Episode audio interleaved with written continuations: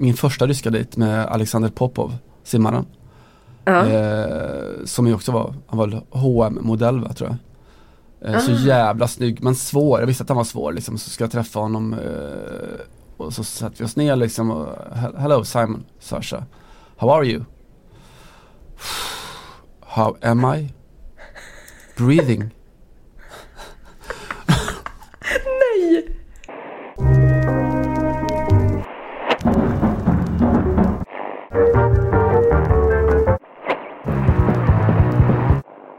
Les sanglots des violons de l'automne blessent mon cœur d'une longueur monotone. Tout suffocant et blême qu'on sont l'heure. Je me souviens des jours anciens et je pleure. Et je m'en vais au vent mauvais qui m'emporte. De ça, de là, pareil à la feuille morte. Hej Johanna! Bonjour! Bonjour och allt det där. Eh, det där, välkommen förresten till eh, Fotboll Radical eh, som vi säger just idag. Det där var alltså Paul Verlaine eh, och hans eh, Chanson d'automne, sång om hösten på svenska. Åh, läste vi Eh. på franska B-kursen Göteborgs universitet tidigt 00-tal. Jag tror att den läses på universitet precis överallt. Vi, jag stötte nog på den när jag läste lit- litteraturvetenskap, kanske litteratur B då i, i Göteborg. Kanske göteborgskt, jag vet inte.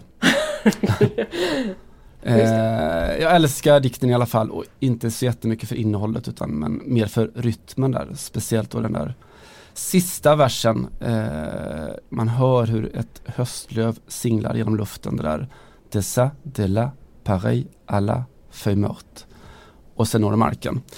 Eh, varför Verlaine och höstsången nu? Jo, för att det är allsvensk höst. Eh, på lördag är det dagen D när allting avgörs och då jag postar den här då med en eh, liten frågesportsfråga om just Verlaine och höstsången där. Vad har den med dagen D att göra? Är frågan. För 36 poäng. På, eh, ska jag svara på det eller? Ja, det får du. Det är Mm. bara du här. Ja, det är sant. Eh, dagen D som i fotbollsdagen eller är vi på krigshistoria? Vi är på krigshistoria. Jaha. Jag tror inte man Eh. chansar rätt, men försök. Ja, det går inte att chansa rätt va? Nej, det går nog inte det. Nej, inte om det inte är, dat, dat, inte datumrelaterat på något sätt. Eh, nej, det är inte det. Eh, det är mer, mer eh, konkret än så faktiskt. Mm. Alltså, det där var de allierades eh, signal till franska motståndsrörelsen då när de skulle dra igång dagen D eh, nere i Nor- Normandie. Eh, BBC spelade upp de första raderna ur Chanson d'automne och då visste frassarna att nu jävlar ska vi göra kaos med nassarna. Så var det. Hur har ni det med höstfärgerna i Paris? Eh, nej men de är väl rätt så grälla, eller vad säger man? Det syns att det är höst. Jag har precis kommit tillbaks från ett klassiko som icke är och så vidare. Mm. Eh, vi var ju några som med god marginal hade planerat in en helg i Barcelona. Eh, också av budgetskäl, så att det inte ska bli så dyrt för arbetsgivaren, så brukar jag försöka boka resan i lagom tid. Eh, matchen blev inställd och eh, tåget stötte på patrull. Så jag fick dessutom ge mig in i en, eh, någon jävla flyga då, vilket jag avskyr att göra, framförallt i alla fall till ställen där man, dit man kan åka tåg. Men det var varit översvämningar i södra Frankrike och norra Spanien. Så att det var en på pappret otroligt misslyckad helg i Barcelona. Men på, i verkligheten så var det lika underbart som, som alltid. Mm, Även en Eh. inställd match är en match och så vidare. Ja, exakt. Det var precis så. Eh, årets förmodligen sista medelhavsdopp tog jag. Så Åh. pass. Mm, så varmt var det. Snyggt. Ja, det, snyggt kanske inte bäst beskriver det, men eh, intressant. Hur har Friskt. du det med höstfärgerna? Friskt. ja, precis. Mm. Exakt. Själv då? Eh, nej men det blir väl vad det blir väldigt, väldigt, väldigt, väldigt mycket allsvenskt eh, fokus såklart och Mm. det är ju rått va och det på ett sätt som man egentligen tycker om rätt mycket. Eh, det ska bränna till lite i själen när det är den här sortens eh, allsvenska slutstrider. Tycker jättemycket om det att, det är, att det är så och så att man konstant är underklädd och Ja, jag, tänkte precis säga det. För att det är, alltså det är mitt starkaste minne från och bevakat Allsvenskan. Det är tio år sedan jag gjorde det. Men att man alltid frös. Fast man liksom drog på sig långkalsonger och liksom underställ. Och det går liksom inte att komma förbi det. Det är väl typ inte meningen att man ska kunna undvika det då antar jag. Nej men alltså, nu tycker jag om det för att det finns en symmetri i liksom det känslomässiga läget. Alltså man ska sitta huttra, alltså alla Mm. supportrar gör ju det. Eh, och då känns det rätt fint. Vi har inte ens Mm. liksom berusningsmedel att tillgå, eh, tvärt vad många tror. Eh, men vi huttrar ändå i någon slags sympatihandling med alla som, som eh, går runt och och studsar upp och ner och är, är, är livrädda. För det väl det det handlar om, det är ingen som liksom sådär, drömmen om guld och sådär på AIK-svenska. Det, det handlar inte om drömmar, det handlar till 99% om mardrömmar nu om att Mm. guldet som man- förlorar. Just det, att det ska skita sig i slutet precis. Mm, precis så, precis så. Jag undrar ju lite om, eh, om man tänker på VM i Qatar 2022, så målas det upp som ett sånt skräckscenario att man ska sitta och kolla på avgörande så utslagsfotboll i november, december. Kanske att vi inte ska oroa så mycket, alltså den svenska publiken, för att vi är så otroligt vana vid det. kanske blir konstigare i Spanien, Italien, Frankrike, vad du vill. Ja, kan ju vara så att de eh, behöver börja prata väder som ju vi är världsmästare på redan i, i förväg så att säga. Exakt. ja, men framförallt så kan det ju också bli, om vi utgår från att allsvenskan spelas som vanligt, brukar inte överlappa sådär enormt mycket så att man kanske inte behöver, kommer behöva pausa allsvenskan för ett fotbolls-VM om du förstår mig.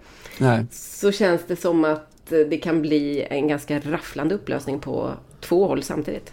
Ja, verkligen. nej, det kommer ju bli jättekonstigt. Jag vet inte varför jag...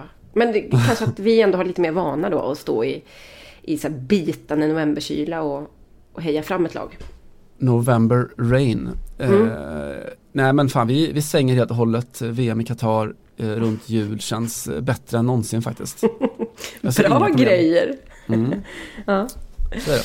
ja, ja. ja. Vädertaken, ja vad fan. Eh, annars då, har, du, har du sett någon fotboll mer än inställd fotboll? Ja, alltså det, det riktigt skumma var att precis innan jag åkte iväg så satte jag för första gången, tror jag, i mitt professionella liv klockan på 04.15 för att eh, titta på fotboll.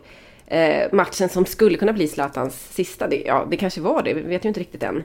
Eh, El Trafico, som vi kallar det. Vet han det riktigt än? Det känns som att han inte riktigt vet det va? Jo då, det tror jag. Du tror det? Okej. Ja. Men eh, jag tror inte att vi kommer få ett svar eh, riktigt än.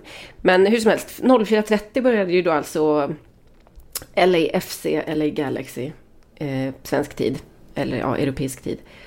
Och eh, enda gången jag kom på att jag hade gjort något liknande var typ fotbolls-VM 2002.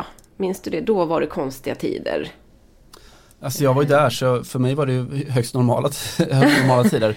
Men visst jag minns, ju, jag minns ju att det var besvärligt med lämningar och sånt för då Ja, Det där var ju lite före, tid, före internetexplosionen så att det var ju verkligen att man satt och eh, Ja man, man jobbade ju hela natten, du hade deadline tidig, tidig morgon och sen så började arbetsdagen så att det var just ju det. 20 timmars, 22 timmars pass egentligen som man jobbade. Och, men nu när jag tänker efter, som den ändå gick i Japan och Sydkorea så var det ju inte riktigt, det kan ju inte varit riktigt så skeva tider så att man fick gå upp mitt natten. Däremot var det ju fotboll på morgonen minns jag. Just men det. det. här är väl mer VM 94 då, då var det ju den här typen av, eh, då var det ju Mm. verkligen ställe, och då jobbade väl inte ens du på den, eller ja det gjorde du väl kanske på någon liten Ja det var väl, ja men Men var skrev inte ganska där. lite VM, jag var inte där i alla fall men jag jobbade, det är sant. Ja. Nej, hur som helst, jag vet inte, jag eh, kan tycka att eh, liksom att det fnyses lite grann åt både kanske det här karriärvalet som Zlatan har gjort och den där ligan. Eh, Det finns ju någonting faktiskt i, det här derbyt, får man säga. För nu har jag, det var ju, hans allra första match var ju just mot eh, LAFC Mm. och den här, vilka jag har haft förmånen att bevaka om en på håll. Och det är ett visst drag trots allt där, får man säga. Och jag tycker också att det är... Eh, Zlatan hjälper ju inte heller till där, för att om, om vi är många, eller ja, i, i resten av världen i Europa som förminskar amerikansk socker så så är Zlatan kanske en av dem, framförallt när han går av då. I, med liksom, skitdåligt humör såklart och säger att eh, med all respekt så brukar jag spela inför 80 000 människor och, och så vidare. Men det här, det här klassiska han kör med all respekt och sen så kommer det något fruktansvärt respektlöst. Alltså eh, gör det inte efter så det. för alla nu, alltså alla som idag säger, inleder en mening på det sättet så vet man att det här kommer totalt respektlöst efteråt. Jo, men lite så är det väl. Men det är också så väldigt konstigt att liksom så här bäsa hela det karriärvalet som han har gjort då, eh, de senaste två åren. Plus att jag börjar tänka lite kritiskt, okej, hur länge sedan var det Zlatan spelade inför 80 000 åskådare? Det hände inte jättemånga gånger under tiden i PSG, ja det var väl kanske möjligtvis när de mötte Real Madrid och Barcelona i Champions League. Men jag menar det är ganska länge sedan han eh, på så veckobasis spelade inför sån publik. Han, han hävdade väl det, var det inte när de mötte Minnesota eller vad? Att men det, här är, det här är ingenting för mig, jag spelar för 80 000 vecka, vecka ut och vecka in. Eh, det var ingen som gjorde riktigt fact check på, Nej, på det uttalandet. Där finns fotboll radikal för er så att säga. För jag kan garantera att i eh, de fyra säsongerna han spelade i PSG så var det inte sällan det var 12 och 15 000 borta Mm. mot eh, Reims eller Gangan kanske framförallt. Hur som helst. Eh, Gustav Svensson, MLS-final med Seattle. Inte lika många som kanske ställde klockan för det, men eh, så blev det i alla fall. Kinnabördige Gustav Svensson vill vi Ja, foga in. Mm. Ja. Jag eh, fruktar ju lite grann att vi går in i en otroligt eh, intensiv sån där eh, katt och råtta-period nu med Zlatan eftersom han han började med att kasta ut något meddelande om att han skulle till Spanien och så det sig att spelbolaget som han jobbar för, eller är delägare i kanske, ska Mm. lanseras där och så. Ehm, jag tror vi kommer få hålla huvudet iskallt den närmsta tiden. För känner man den där mannen rätt så, och hans så, PR-posse så kommer det väl bli en del utspel och, som kanske bara är kommersiella i, i slutändan. Annat tonläge nu ändå upplevde jag i just det här, kring det här utspelet i svenska medier. Det var som att alla förstod ju vad han egentligen sa. Ja, man bör bli lite luttrad kanske ja. Mm, Ja. Det fanns lite så. Samtidigt känns det så svårt då, för jag fick ett sms från en kollega häromdagen som sa ah, Blir det Napoli nu för Zlatan? Då hade han ju gått ut och sagt att han börjar längta efter att spela där efter att ha sett Maradona-filmen. Eh, det tyckte jag i och för sig var sympatiskt, för att jag brukar alltid tänka att jag är den enda människa som längtar till Neapel efter att ha läst Ferrante-kvartetten. Som bara beskriver det som ett rövhål. Men jag bara tyckte ändå var så, och det här, här vill man bo. Eh, Maradona-filmen är ju lite samma sak. Det går ju inte, alltså, även om det går bra för honom så är det ju ganska mycket maffia, droger, Ja, det är ingen eh, komedi. oäkta barn. Nej, det är ingen sitcom liksom. Och den fick ändå Zlatan att och längta efter att spela där. Men det var ju samma sak där. Man kände att det här är ju bara ett eh, ut, utspel av många förmodligen. Samtidigt så är det ju svårt i det här läget. För man kan inte heller sitta och ignorera den här typen av... Eh, det är väldigt konstigt att låtsas som att en spelare som säger jag skulle gärna vilja spela i Napoli inte har sagt det. Eh, Svår journalistisk avvägning. Alltså det är intressant om Zlatan ska fatta sina kommande och karriärsval utifrån vad han har råkat se på på tv just den, den dagen. Eh, kan man utesluta att det kommer någon sån här rysk påverkansaktion som skickar in liksom HBO-signaler och Katarina den stora i, i, i Zlatans eh, villa i LA liksom. Kom, kom till CSKA, kom till Zenit Sankt Petersburg, vi har det assoft här. Sammetsdivaner och du kan göra lite som du vill. Just det. Vodka på kran. Mm, ja. eh, Eller vad man nu lockar Zlatan med. Han är väl inte så stor på alkohol i och för sig men. Nej, in- Ja, ja, där. Jag, jag kan Eh. säga att jag mest annars eh, satt i då Barcelona och i bristen på originalklassiko så fick jag titta på det franska. Vi Mm. mässade lite där, du stängde av halvvägs in ungefär om jag förstod det hela rätt.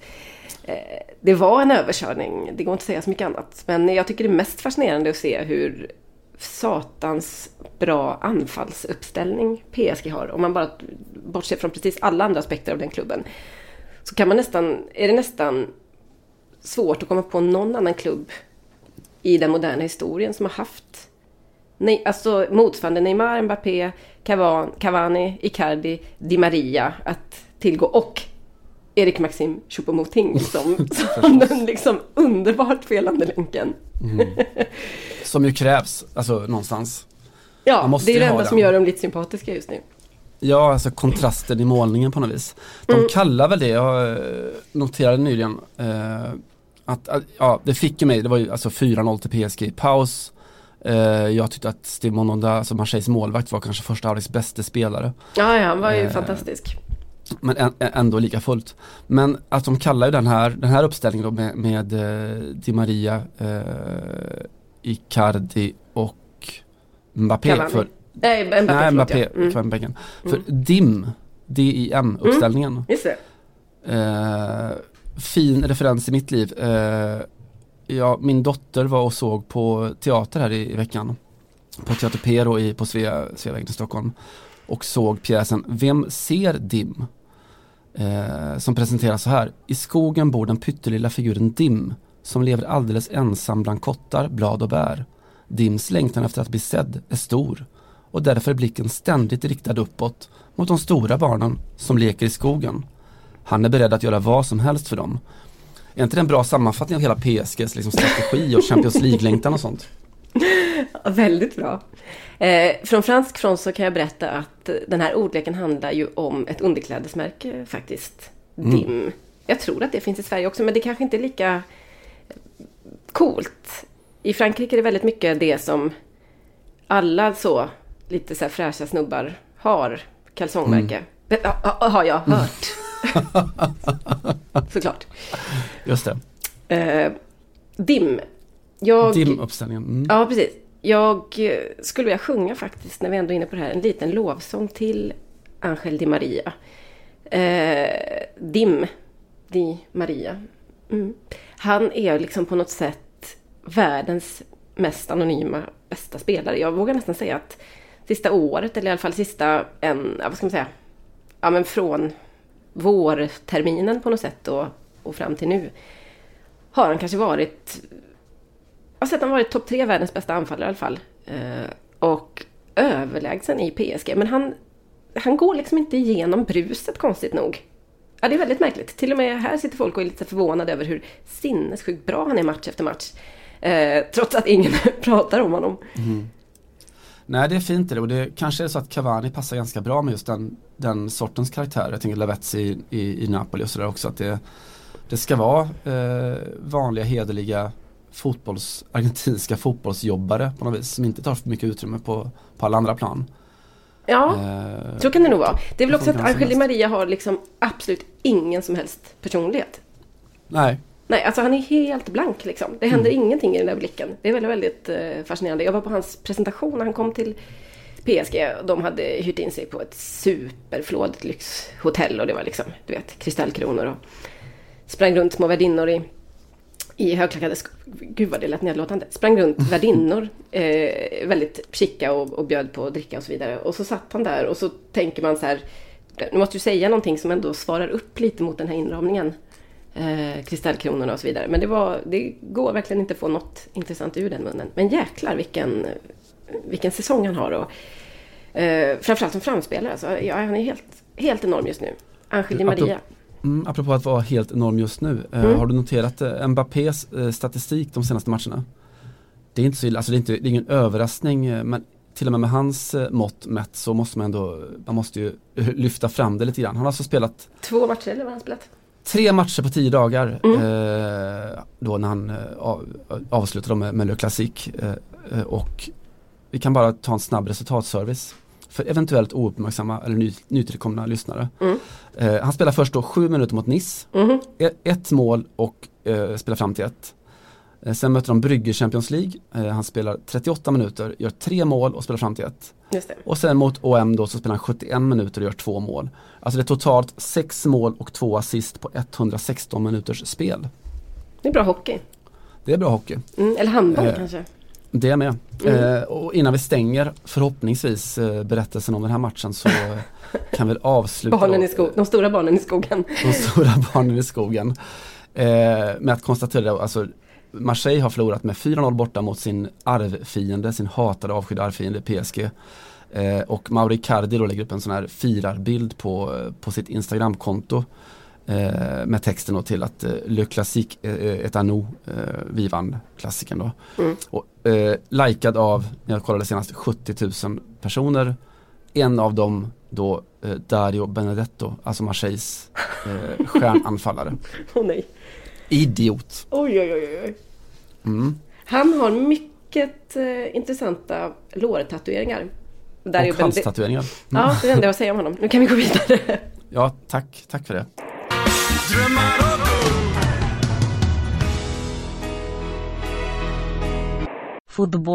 Radikal. En gång i tiden så var jag ju den här poddens, ska vi säga arbetsmarknadspolitiska korrespondent. Eh, det har avtagit lite grann nu, men eh, jag skulle gärna vilja göra en liten återkomst på, på den fronten. Det är ju nämligen så, och det här känner ni säkert till, att i Spanien just så, förutom att man ställer in klassikot, så är det eh, hot, varsel om strejk på damsidan i La Liga Iberdrola som den heter. Det är alltså från, nu ska vi se, om två veckor, 16-17 november den helgen, så kommer matchen att ställas in om inte, om inte parterna kan mötas så att säga. Eh, damerna kräver inte så mycket, de vill ha kollektivavtal. Eh, de vill ha en sorts minimilön kan man säga för sina anställda då. Och det rör sig om, vad var det, 12 000 euro tror jag per år. Så att 100, ja nu är kronan lite svag då, men vad blir det, 130-140 000 kanske. Som årsinkomst. Alla dessa krav. Mm. Ja, precis. Eh, och detta drabbar, eller drabbar, men detta innefattar ju bland annat då våra vänner Kosova Asllani och Sofia Jakobsson i Tacon. Eh, det är inte ovanligt det här i Spanien minst, framförallt från när jag bodde där och bevakade La Liga på nära håll, att det strejkas en hel del, eller hotas mycket om strejk i alla fall. Och eh, på fotbolls, i fotbollssammanhang är det ett ganska vanligt tilltag. Ehm, när man inte fått löner och sådär ofta? Även. Ja, precis. Exakt. På, på, på, det här på damsidan är lite speciellt för att det handlar verkligen om, om ett kollektivavtal. Men ofta är det handlar det om att precis att man inte får ut uh, lönerna. Och det var faktiskt precis det som hände i Mexiko för uh, en dryg vecka sedan. Uh, Veracruz spelare hade inte fått ut sina löner på evigheter och strejkade på ett väldigt speciellt sätt genom att stå helt still då på planen i några minuter. Man mötte Lite som Marseille. Lite som Marseille och här kommer kopplingen faktiskt. Eh, för man mötte ju då Tigres. Och oh. eh, vår vän André-Pierre Gignac drog in sitt hundrade mål då i eh, La Liga MX, alltså mexikanska ligan, när motståndarna stod helt still och gjorde ingenting. Eh, och det blev jättekonstig stämning efteråt då. Det var ju som att han inte riktigt förstod eller ja, alltså, ja, alla, väldigt många undrade varför, varför gjorde du mål eh, när de upp, det var så uppenbart att motståndarna strejkade för att de inte får betalt. Det var som att han var lite svartfot här då nästan. Striker mot strikers. Ja, exakt så. Eh, oerhört eh, konstig stämning. Inte alls kanske det målet som du har lust att, att göra till ditt historiska hundrade. Eh, men inte heller, det gick inte heller riktigt att hålla sig därifrån då tydligen. Eh, jobbigt för eh, Gignac som är liksom redan en, en inventarie får man säga i den där ligan. Alltså han har ju haft eh, otroligt mycket framgång sedan han kom dit och är en av de riktigt stora importerna såklart i, i La Liga. Till slut fick han gå ut och be om ursäkt. Eh, dessutom sa han att eh, jag, jag vill aldrig göra det där målet Ja, det mm. blev fel när jag slog en boll som jag ville skulle gå ut över kortlinjen. Eh, det är faktiskt inte en ursäkt. Det är hela sanningen. Eh, skrev han då på Twitter. Ni som följer den här podden på Twitter, eh, kliv in på Podcast Radikal så ska vi lägga upp eh, klippet när eh, Gignac gör sitt hundrade och absolut konstigaste mål i karriären. Mot eh, några stackare i Veracruz som inte har fått ut sina löner på evigheter. Eh, jag vet inte vad det säger om vare sig Gignac eller Marseille eller Mexiko eller Frankrike eller vad du vill. Men någonting säger i alla fall. Det är väldigt speciella bilder om inte annat. Det var inte så att han sa att eh, ja, jag har hört talas om det här strejkkonceptet. Ni måste förstå, jag är från Frankrike. Det här är helt nytt för mig. Exakt så. Exakt så. Nej, det, precis. Det hade ju varit kanske en, eh, en ursäkt i klass med den han levererade. Jag försökte också så, jag är sån jävla målgörare att jag försökte verkligen lägga ut den över kortlinjen men det gick inte. En inverterad Pontus Jansson kan man väl säga. Han som eh, försökte försvara bort ett mål när, när Leeds eh, hade bestämt för att släppa in det.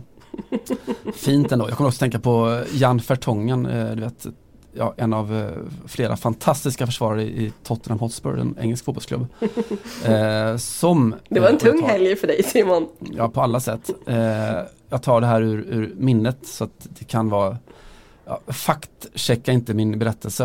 Eh, men när han spelar i Ajax och eh, motståndaren då slår ut bollen över sidlinjen för att få vård på en av sina spelare och enligt alla former av, av eh, inofficiella regler så ska han ju då ge tillbaka bollen. Eh, och ska slå den ner till målvakten men slår den alldeles, alldeles för bra så att den seglar in i mål. Just det. Ja, det finns ju några sådana, de är faktiskt otroligt roliga. Ja, när det, det bryts av på något sätt när allting bara blir lite, lite för bra. fantastiskt fint. Ja, verkligen. och finns förnäma herrar som skryter och skroderar. Kom genast ner på jorden och öppna upp plånbok. Hey, I'm Ryan Reynolds. At Mint Mobile, we like to do the opposite of what Big Wireless does. They charge you a lot, we charge you a little. So naturally, when they announced they'd be raising their prices due to inflation, we decided to deflate our prices due to not hating you. That's right. We're cutting the price of Mint Unlimited from $30 a month to just $15 a month. Give it a try at mintmobile.com slash switch. $45 upfront for three months plus taxes and fees. Promo rate for new customers for limited time. Unlimited more than 40 gigabytes per month. Slows. Full terms at mintmobile.com. Sen tänkte jag att vi skulle prata om ett nytt koncept eh, inom den moderna fotbollsvärlden. VAR. Heter Mm, det. ja, berätta, låter vagt bekant. Berätta Mm. gärna mer. Eh, det har ju varit på eh, vår Josef Frank-tapet här i igen såklart och kommer inte försvinna därifrån. Eh, senast som hänt är väl ur ett svenskt perspektiv så senast och senast, det är ett tag sedan nu, men eh, Blåvitt mot Djurgården, Djurgården vann och tog ett stort steg mot sitt SM-guld i näst senaste omgången här, eh, vilket då fick de, de hade ju ett eh, bortdömda IFK Göteborgs mål och eh, tilldömda Djurgårdshörnor som sen då resulterade i mål. Vilket då bland annat fick eh, Alec Axén då i, i, i Kanal Plus, Simon heter det väl, simon studion att dundra att nu måste vi ha VAR i Allsvenskan. Får jag bara kasta in en kort eh, reflektion här? Mm, Eh, plats för reflektion. Vi hade ju också ett avsnitt ett tag som hette såna här fotbollsklyschor som folk tror att de är lite först med. Mm. Jan Åblack är en otroligt underskattad målvakt och så vidare. Eh, den här, det här eviga konstaterandet att Allsvenskan är för jävla fin alltså. Finns det några ligor där ute som är så här jämna i slutet varje höst? Där man där, där i princip alltid kan bli en ny segrare. Eh, det är lite av min favoritklyscha just nu. Det är en jävla pigg spaning. Alltså det, den, det ju, går lätt att peka ut den vändningen för att jag vet att jag skrev för, eh, jag vet inte, 10, kanske eh, 15 år sedan kanske. Så skrev jag det, det stora försvarstalet för allsvenskan för att då var allsvenskan så fruktansvärt utskälld. Det var, då hade alla upptäckt att vi var rankade som Europas eh, 28 bästa liga och, Just det. och allt. Eh, och då skrev jag att men det här är världens bästa liga just för att den är så jämn och så härlig. Och Okej, vi så du är och alltså så- kan man säga grunden, källan till den här eh, Jag är källan. Klyschan. Mm. Precis, men då fanns då var- det hade inte hunnit stelna till klichén, det fanns ett värde i det då, att man, man vände på det något sätt. Det som allsvenskan skulle behöva nu är kritiker.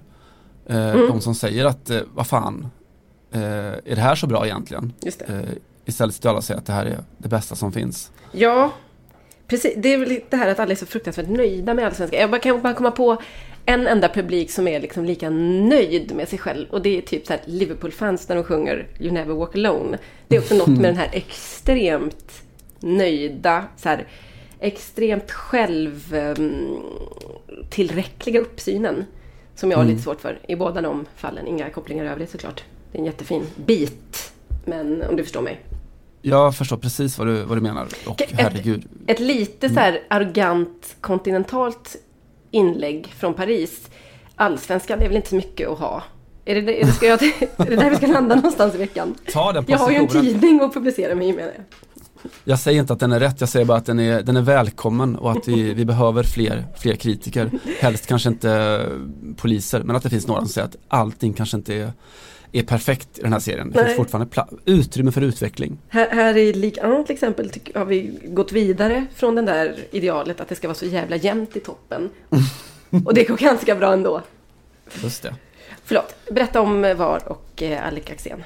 Mm, jag tänker väl mest eh, egentligen, alltså ja, den har diskuterats i Premier League håller på att eh, hitta fram till någon ny lösning också eh, kring VAR. Jag tror att det var Solskär som var ute senast och, och dundrade om att det, det störde rytmen och så vidare, att det finns någonting i, i fel och att det enda som egentligen har hänt är att ja, dom, kritiken mot domarna har flyttat till kritik mot VAR-rummet istället och, och mot tekniken och allt det där. Och, eh, de då som är eh, tekniskt, eh, tekniska positivister hävdar väl att eh, jo men det, det handlar bara om att hitta rätt form för det och så vidare.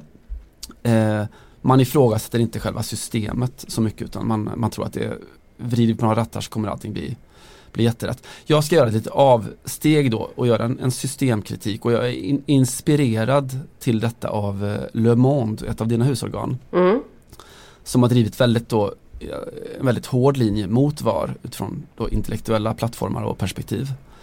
Eh, och jag tar då avsteget till, eh, och det här är inte nytt heller, till rugbyn. Eh, utifrån tesen att men fotboll är den enda, liksom egentligen, den enda stora sporten där det är det är fullkomligt legio, det ingår i kulturen att det här eh, hatet och eh, diskussionen kring domaren i alla jävla sammanhang. Eh, att det är okej att så här, ge sig på domaren eh, under matcher och Mm. protestera och rusa dit tio man och skrika och, och sådär. Eh, Nigel Owens ska jag lyfta fram som en motpol. En eh, walesisk A-kändis. Det är rätt mycket boyband-namn kommer jag att tänka på nu. Nigel Owens. Han Mm. hade lätt kunnat vara med i zink eller något. Mm. Eller Westlife. Mm. Eh, det är han inte. Eh, men han är ändå en så här superduper kändis i Wales. Eh, för han är en av världens då främsta rugbydomare. Han också har så eget program i tv och Jaså? dessutom för något, ja, oh ja, för något år sedan så kom han ut som, eh, som öppet homosexuell. Eh, och sådär. Han, är, Mm. han är en dunderprofil helt Ofta, enkelt. det är ofta öppet när man kommer ut så att säga. Just det, Fniss. sant. Wales, jag bara tänkte lite på Gareth Bale. Uh, undrar om de är, är det så att alla som är kända i Wales är kompisar? Jag antar att de är det på något sätt. Alla är släkt. De är släkt med varandra, ja. ja just Mm. det. Undrar om den här domaren vet mer om Brexit än Gareth Bale som sa i en intervju i veckan att han inte förstod, 99 procent ungefär av Brexit förstår han inte och han visste inte heller vem som var landets premiärminister just nu. jag lever i Ja. en bubbla, som han uttryckte det. Just det, han Ja. spelar golf och har gött. Ja, spela golf, eh, spela fotboll och så var det nog med det. Mm. Jag tänkte bara att vi skulle lyssna på, alltså just utifrån då eh, tanken att eh, varför är det självklart att just i fotboll vi ska få ge oss på domarna så oerhört, oerhört hårt och diskutera inte bara om dem utan också med dem under matcher och sådär. Mm. Att de är konstant satt så. Här är Nigel Owens take på det. Så här låter det, eller kan det låta, när han eh, dömer rugby. I don't think we've met before, but I'm the referee on this field, not you. Stick to your job and I will do mine. If I hear you shouting for anything again, I'm going to be penalising you. This is not soccer. Is that clear? Back you go and get on with the game. If Tobias Bottas hasn't met Nigel Owens before, he has now. Ja, men vi, vi, drar i alla fall då utifrån, eh, det här har ju blivit såklart ett, eh, ett bevingat ord inom rugbykretsar. Det är liksom trycks tröjor med this is not soccer tryck och det eh, ja, används väldigt ofta då när man ska, ska profilera rugby som att en sport som inte är, är fotboll. Just det, en gentlemansport helt enkelt. När man En gentlemansport. på. Också om det är så att han använder begreppet socker som lite så eh, för att markera avstånd. Jag vet inte riktigt ens vad det heter. Men vad är det Mm. de kallar det? Så är det ju otroligt snyggt. Ehm, Verkligen. vi, får, vi får reservera oss för att det kanske finns en annan förklaring till. Men det, lite, det känns lite ovant att det ska komma in ett socker där av en, någon från de brittiska öarna. Hur som Med all respekt. Exakt så. Mm. Eh, nej men eh, Alltså det är ju så, det var det en här logisk slutpunkt på något sätt på den här dundermedialiseringen av fotbollen, att tv och medierna som driver på den här, eldar på den här domardebatten. Och vi får då som svar på våra böner så får vi VAR. Eh, utifrån att det finns inbyggt i fotbollens natur att vi ska hela tiden kunna då diskutera domarens domslut och beslut och så. Mm. Eh, och nu sitter vi här och konstant och varenda jävla helg så pratar vi om VAR besluten. Eh, och i Le Monde så skriver då deras krönikör Jérôme Latta att, eh, att det som VAR gör att det, det driver fotboll in eh, på en enkelriktad gata och bara fördubblar eller mångdubblar alla dessa kontroverser som det skulle undvika som tanken var. Eh, där är vi eh, och det finns någon slags där, alltså om man drar en parallell till, till samhället i övrigt, ingen, eller ja, väldigt många idag får ju för sig att vi ska ha det totala övervakningssamhället för att skapa en trygghet. Eh, vi måste kunna avlyssna alla telefonsamtal för annars kommer vi inte åt de här terroristerna. Vi måste kunna, Topsa alla män över 22 Mm. som heter Ahmed och Mohammed. precis, och där finns ju den här tokstarka ändå, eh, rakryggade motrösten som säger att ja, men vi förlorar väldigt mycket annat. Vi förlorar framförallt en, integritet och en, en trygghet för, för oss alla och vi förlorar det som det faktiskt ska vara vara människa. Alltså om man skulle överföra VAR till, till samhället fullt ut, om man nu tycker att det här är eh, rimligen så oerhört viktigt då, så borde man ha en så GPS-mätare i alla bilar som kollar så att ingen kör för fort och vi borde liksom kolla på, filma alla övergångsställen så att ingen kommer att röka uppe och ha kameror på alla dansgolv som finns och, Mm. och så. Eh, men det gör vi inte, men i fotboll så övervakar vi allting och stoppar tiden och kollar. Eh, och sådär. Mm. Eh, jag vet inte. En, en ny, en ny eh, känga mot eh, VAR-systemet heller. Det är inte liksom eh, ja, att jag har gått liksom från, från eh, vanligt dömande, mänskligt dömande till något som är så juridik, som är rent så här Mm. forensiskt. Är Laboratorium. CSI helt enkelt. Men- Istället för tolkning. Det allra konstigaste i hela utspelet tyckte jag var, för att man hör ju ibland här borde vi haft VAR och här borde vi haft VAR och så vidare. Det konstigaste här var den här känslan av att eh, här borde vi haft VAR, säger Axén då. Uh, utifrån, så här ser det ut i Allsvenskan och det är inte bra. Vi kan lära av den stora världen. Lite som att han inte har kanalpaketet som visar internationella ligor. Och att det kanske inte är så många andra i Sverige som tittar på så kallad internationell fotboll. Men någon gång kanske man har varit på en internationell match där VAR har funnits då och upplevt att det fungerar. Eh, jag fick den känslan väldigt mycket som att eh, flytta tiden tillbaks 30-40 år och eh, låtsas som att VAR är någonting som lever sitt eget liv och fungerar väldigt bra i Europa. Eh, det kan nog ingen kolla upp att det inte stämmer. eh, känslan är väl att VAR, så att säga, där det har införts är, som du säger, ganska så hett ifrågasatt också. Och att det inte är helt säkert att eh, Djurgården inte hade stått med en fot i, en hand på Lennarts buckla med någon gång kvar.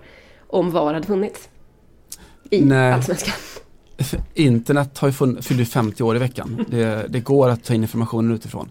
Eh, och sen tror jag också att det finns en, en livsfara i att, och det här återigen det breda perspektivet, samhällsperspektivet, att ta den här sortens diskussioner utifrån enskilda situationer. Just det. Eh, då kommer du alltid, alltid, alltid hamna fel. Att, Titta den här situationen hade vi löst med det här. Eh, den här terroristen hade vi kunnat gripa om vi hade kunnat avlyssna alla i hela världen. Mm. Det, här, eh, det här Djurgårdsmålet hade inte blivit till om det inte vore för och så vidare. Om vi hade skickat utgå- ut alla som inte har asyl i Sverige hade det inte blivit något attentat på Drottninggatan och så vidare. Nej, så är det ju. Eh, man måste ta avstamp i en intellektuell diskussion och därför kan jag rekommendera alla som, som har det i sig att, kolla, att läsa lite Le Monde till exempel. Eh, av det skälet också.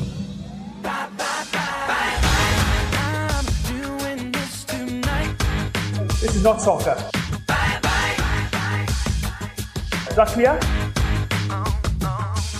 Det om eh, den debila VAR-debatten. Eh, du får eh, med all respekt då lyfta diskussionen och ge oss eh, en motbild eller i alla fall en profil. Ja. Med all respekt eh, ska jag ge en profil. En perfil kanske vi ska säga. Eh, Mm. Den möjligen, i viss konkurrens i och för sig med Antonio Conte, den kanske minst okända hittills eh, profilen. Eh, Diego Armando Maradona, ringer det en klocka? Mm, Nej. jag vill säga- Nej. Vi säger i alla fall grattis, Tanti Auguri som man säger i Italien, eh, till Maradona som fyller 59 år just idag. När vi Det spelar är in ingen i alla fall. ålder på en häst. Precis. Den eh, 30 oktober. Det är ingen ålder på en häst, precis. Eh, Det är en viss ålder på en ganska så av livet märkt fotbollslegendar, såklart. Men det hindrade ju inte Maradona att ta med sig sitt eh, gymnasio som ligger riktigt skrynkligt till i den argentinska ligan och som väl inte riktigt har fått något lyft under honom. Till hem till Rosario och Newell's Old Boys. Eh, hem säger jag, för det var ju klubben dit eh, Maradona kom tillbaks efter det långa Europa-äventyret och gjorde några matcher i 93 någonting. Kan det stämma? Mm. Kan stämma. Kan det stämma? Mm, säger jag. Eh, Gymnasio slog då eh, Newells med 4-0. Dra på trissor i helgen. Eh, trots att eh, Newells eh, ligger rejält, eller låg i alla fall rejält bättre till i den stora argentinska ligan. 28 lag tror jag vi har att göra med. Ja, ni vet ju hur den ser ut. Det är en spännande tabell i alla fall. Fin present. Ja, men jag tyckte det. Och eh, det var liksom ganska mycket så pådrag inför den här matchen kanske är ordet jag söker. Maradona fick hålla ett tal då till sina supportrar. Jag är alltid en av er och så vidare. Och eh, sen så fick han coacha matchen från en sorts tron, eller en väldigt så um, vacker i alla fall fåtölj som de ställde ut åt honom. Där han satt och uh, ja, coachade hem en, en stabil 4-0-seger mot sitt Newells, men med sitt uh, Gimnasium. Eh, på Estadio Marcelo Bielsa såklart. Det, har ju, det händer ju mycket i uh, Argentina, hela tiden höll jag på att säga. Eh, men mm. väldigt mycket senaste tiden i alla fall. Eh, det var ett presidentval bland annat och eh, Maradona var ju inte Maradona om han inte passade på att i en video också hälsa Alberto Fernandez som är ny argentinsk president med ett Viva Peron. Mm. Fernandez ses ju som en så kallad peronista och det säger ju det är ju, Argent eller det är ju Maradona också då, en, en, en vänsterpolitiker som... För Alberto Fernandez, är det tidernas mest generiska argentinska namn för övrigt? Ja, det är helt, helt ljuvligt. Ja. Eh. Eh, spaning i marginalen. Eh, allt detta hände på väldigt kort tid eh, i Argentina, eh, inom loppet av ett dygn får man väl säga. 59 år gammal, ung. Eh, Diego Armando Maradona, vi älskar dig för alltid. Ti amo. Eh, fint också, du sa Bielsa-stadion där Newells spelar. Vet du vilka som spelar på eh, Estadio Maradona? Jag syr ihop säcken här nämligen. Jag syr på, men det vet jag faktiskt inte. Eh, Argentinos Juniors, eh, då den, alltså klubben där Maradona debuterade i, i argentinska ligan. Ja, det, gör, det gjorde han eh, ja. Också Alberto Fernandes eh, favoritklubb, Aha. nye presidenten. Så där ja.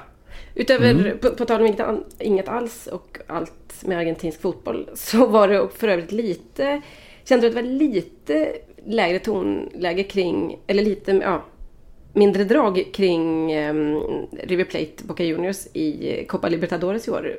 River slog ut Boca i, det var i semifinal bara då, men ändå den här gången. Eh, Kunde inte den spelats i Barcelona när du var där? Jag kände att det var en viss skillnad där mellan hur alla svenskar för ett år sedan hade ett favoritlag helt plötsligt och hade liksom mm. egna anekdoter från eh, La Bombonera till hur den här, det här dubbelmötet flög totalt under radarn i år. Verkligen. Mm. Eh, Berätta men, mer om alltså, eh, Fernandes. Ja, alltså det blir ju inte så jävla långsökt för att i Argentina så, alltså ursäkta klichén här men men att eh, fotbollen och politiken hör ihop. Det här är ju inte, jag ska inte ge mig in på sån här eh, Erik Niva långa dokument för att förklara eller för att söka den kopplingen utan här är, den är så oerhört uppenbar och det, det är det som är lite så här halvkittlande. Eh, Argentinos Juniors, alltså presidentens klubb då och Maradonas debutklubb mm. eh, då som, som bildades av så här anarkister och socialister tidigt 1900-tal. En klubb för emigranter och som var en uttalat antikapitalistisk klubb då som spelar fortfarande till denna dag i röda dräkter och så. Mm. Eh, man kan ändå konstatera det då att det finns en sån trend och tendens då apropå fotbollspolitikkopplingen. Eh, Mauricio Macri, alltså den avgående presidenten då han var ju använde Boca Juniors som sin språngbräda in i politiken och han var president i Boca under eh, typ ett årtionde. Eh, I då eh, borgmästarvalet i Buenos Aires då, som också avgjordes nu så var Matas Lemmens eh, då en av huvudkandidaterna. Jajamän, för, honom har vi pratat om i podden. Just det, för eh, Fernandes parti också, eller koalition då, mm. eh, Frente, Frente de Todos. Mm. Eh, och han är då nu San Lorenzos president, det var därför vi pratade om honom. Eh, ja, det så. var de för, precis, för de hade väl eh, eh, helt enkelt skrivit, på tal om, nu knyter jag ihop säcken här, kollektivavtal och ersättning för damer. Visst var det så att de var de första som hade skrivit ett kollektivavtal med sitt damlag? Mm. Macarena vår vän satt där och skrev på som första Så spelare i detta avtal. I påvens klubb. Papas and the Mamas. eh, jag eh, vill, vill, avsluta då med att eh, göra den här korta analysen av det argentinska presidentvalet då när vi har gått från Maradona och dit. Eh, politisk sammanfattning från Ernesto Araujo eh, som är då Brasiliens utrikesminister under Bolsonaro själv då son till en gammal nazistapologet i, i Brasilien. Eh, hans kommentar på Twitter var då när vänstern hade vunnit i Argentina. Eh, ondskans krafter firar i Argentina. Sådär. Mm. Fint var det. Grattis Maradona. Det var väl många som Grattis. tog just det uttalandet för att Argentina kanske hade gjort, gått åt rätt håll den här gången. Precis så. Don't cry for me Argentina Där är vi. Eh, what's next? Kanske lite kultur Ja. på det eller? Absolut. Kan, får, man ett, får man önska ett argentinskt kulturtips? Någon lite så obskyr um, konstutställning i, vad vet jag, eh, Rosario. Du, du läser mig som en öppen bok. Fast ändå inte. Men jag har en öppen bok här. Ja. Förlåt för den.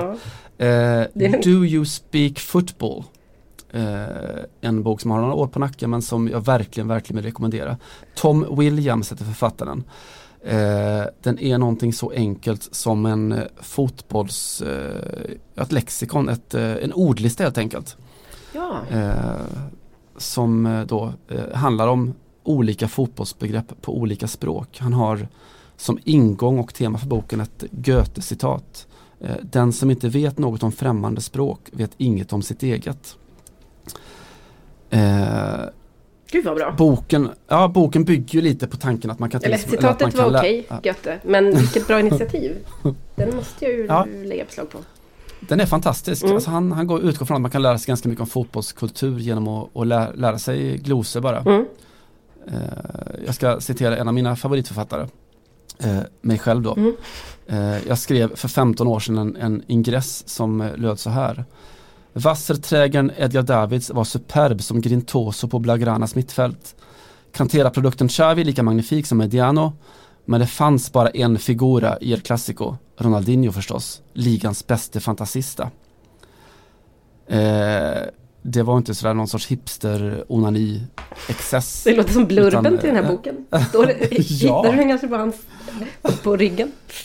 Borde finnas. Nej men det skrevs väl så eh, som någon slags skämt då för att eh, hitta just det här resonemanget om vad fotbollsspråket säger om fotbollskultur. Vad det säger om engelsk fotboll, att de använder, ofta använder krigstermer och att italienarna lånar från teatern eller eh, när spanjorerna använder eh, religionen för att beskriva sin fotboll. Mm.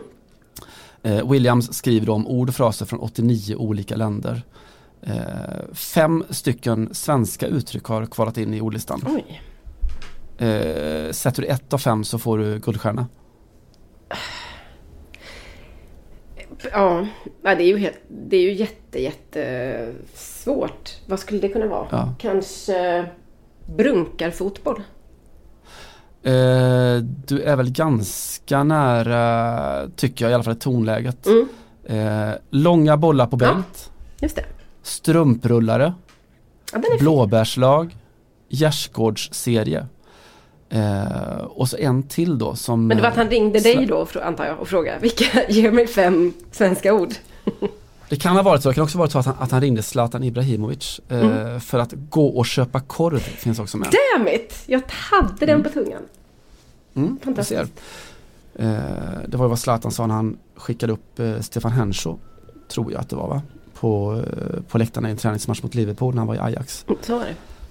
Mm. Finns då, eh, för att avsluta, en länk då. Alltså det, det där var ju, man tänkte att Zlatan hade uppfunnit någonting, det hade han ju. Ett begrepp.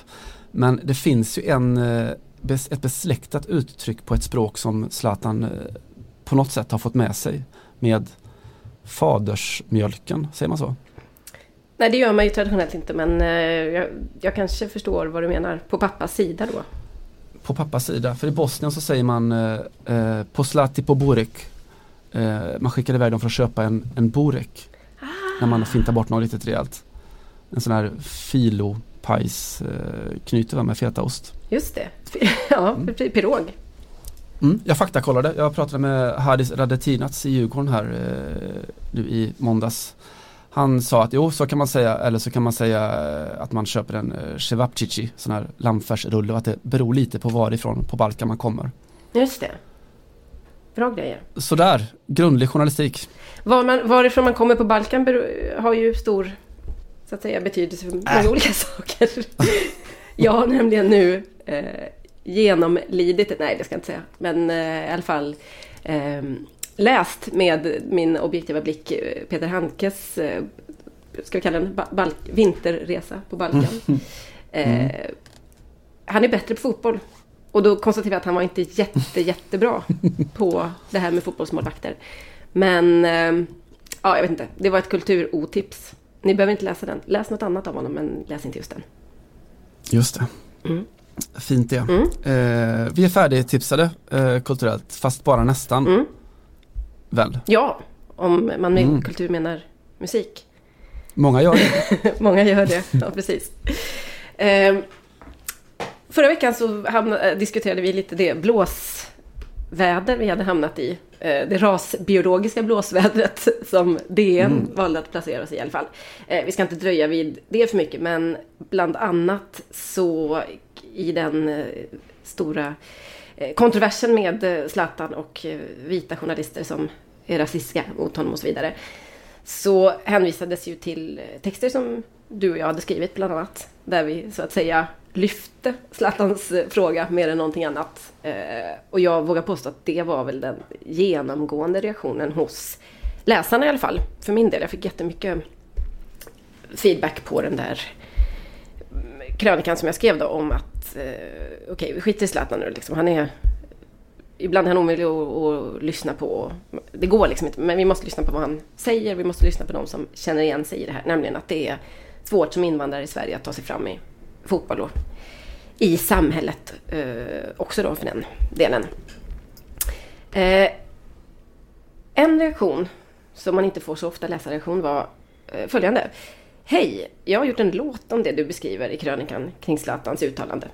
Tack för texten, den kändes jättebra att läsa.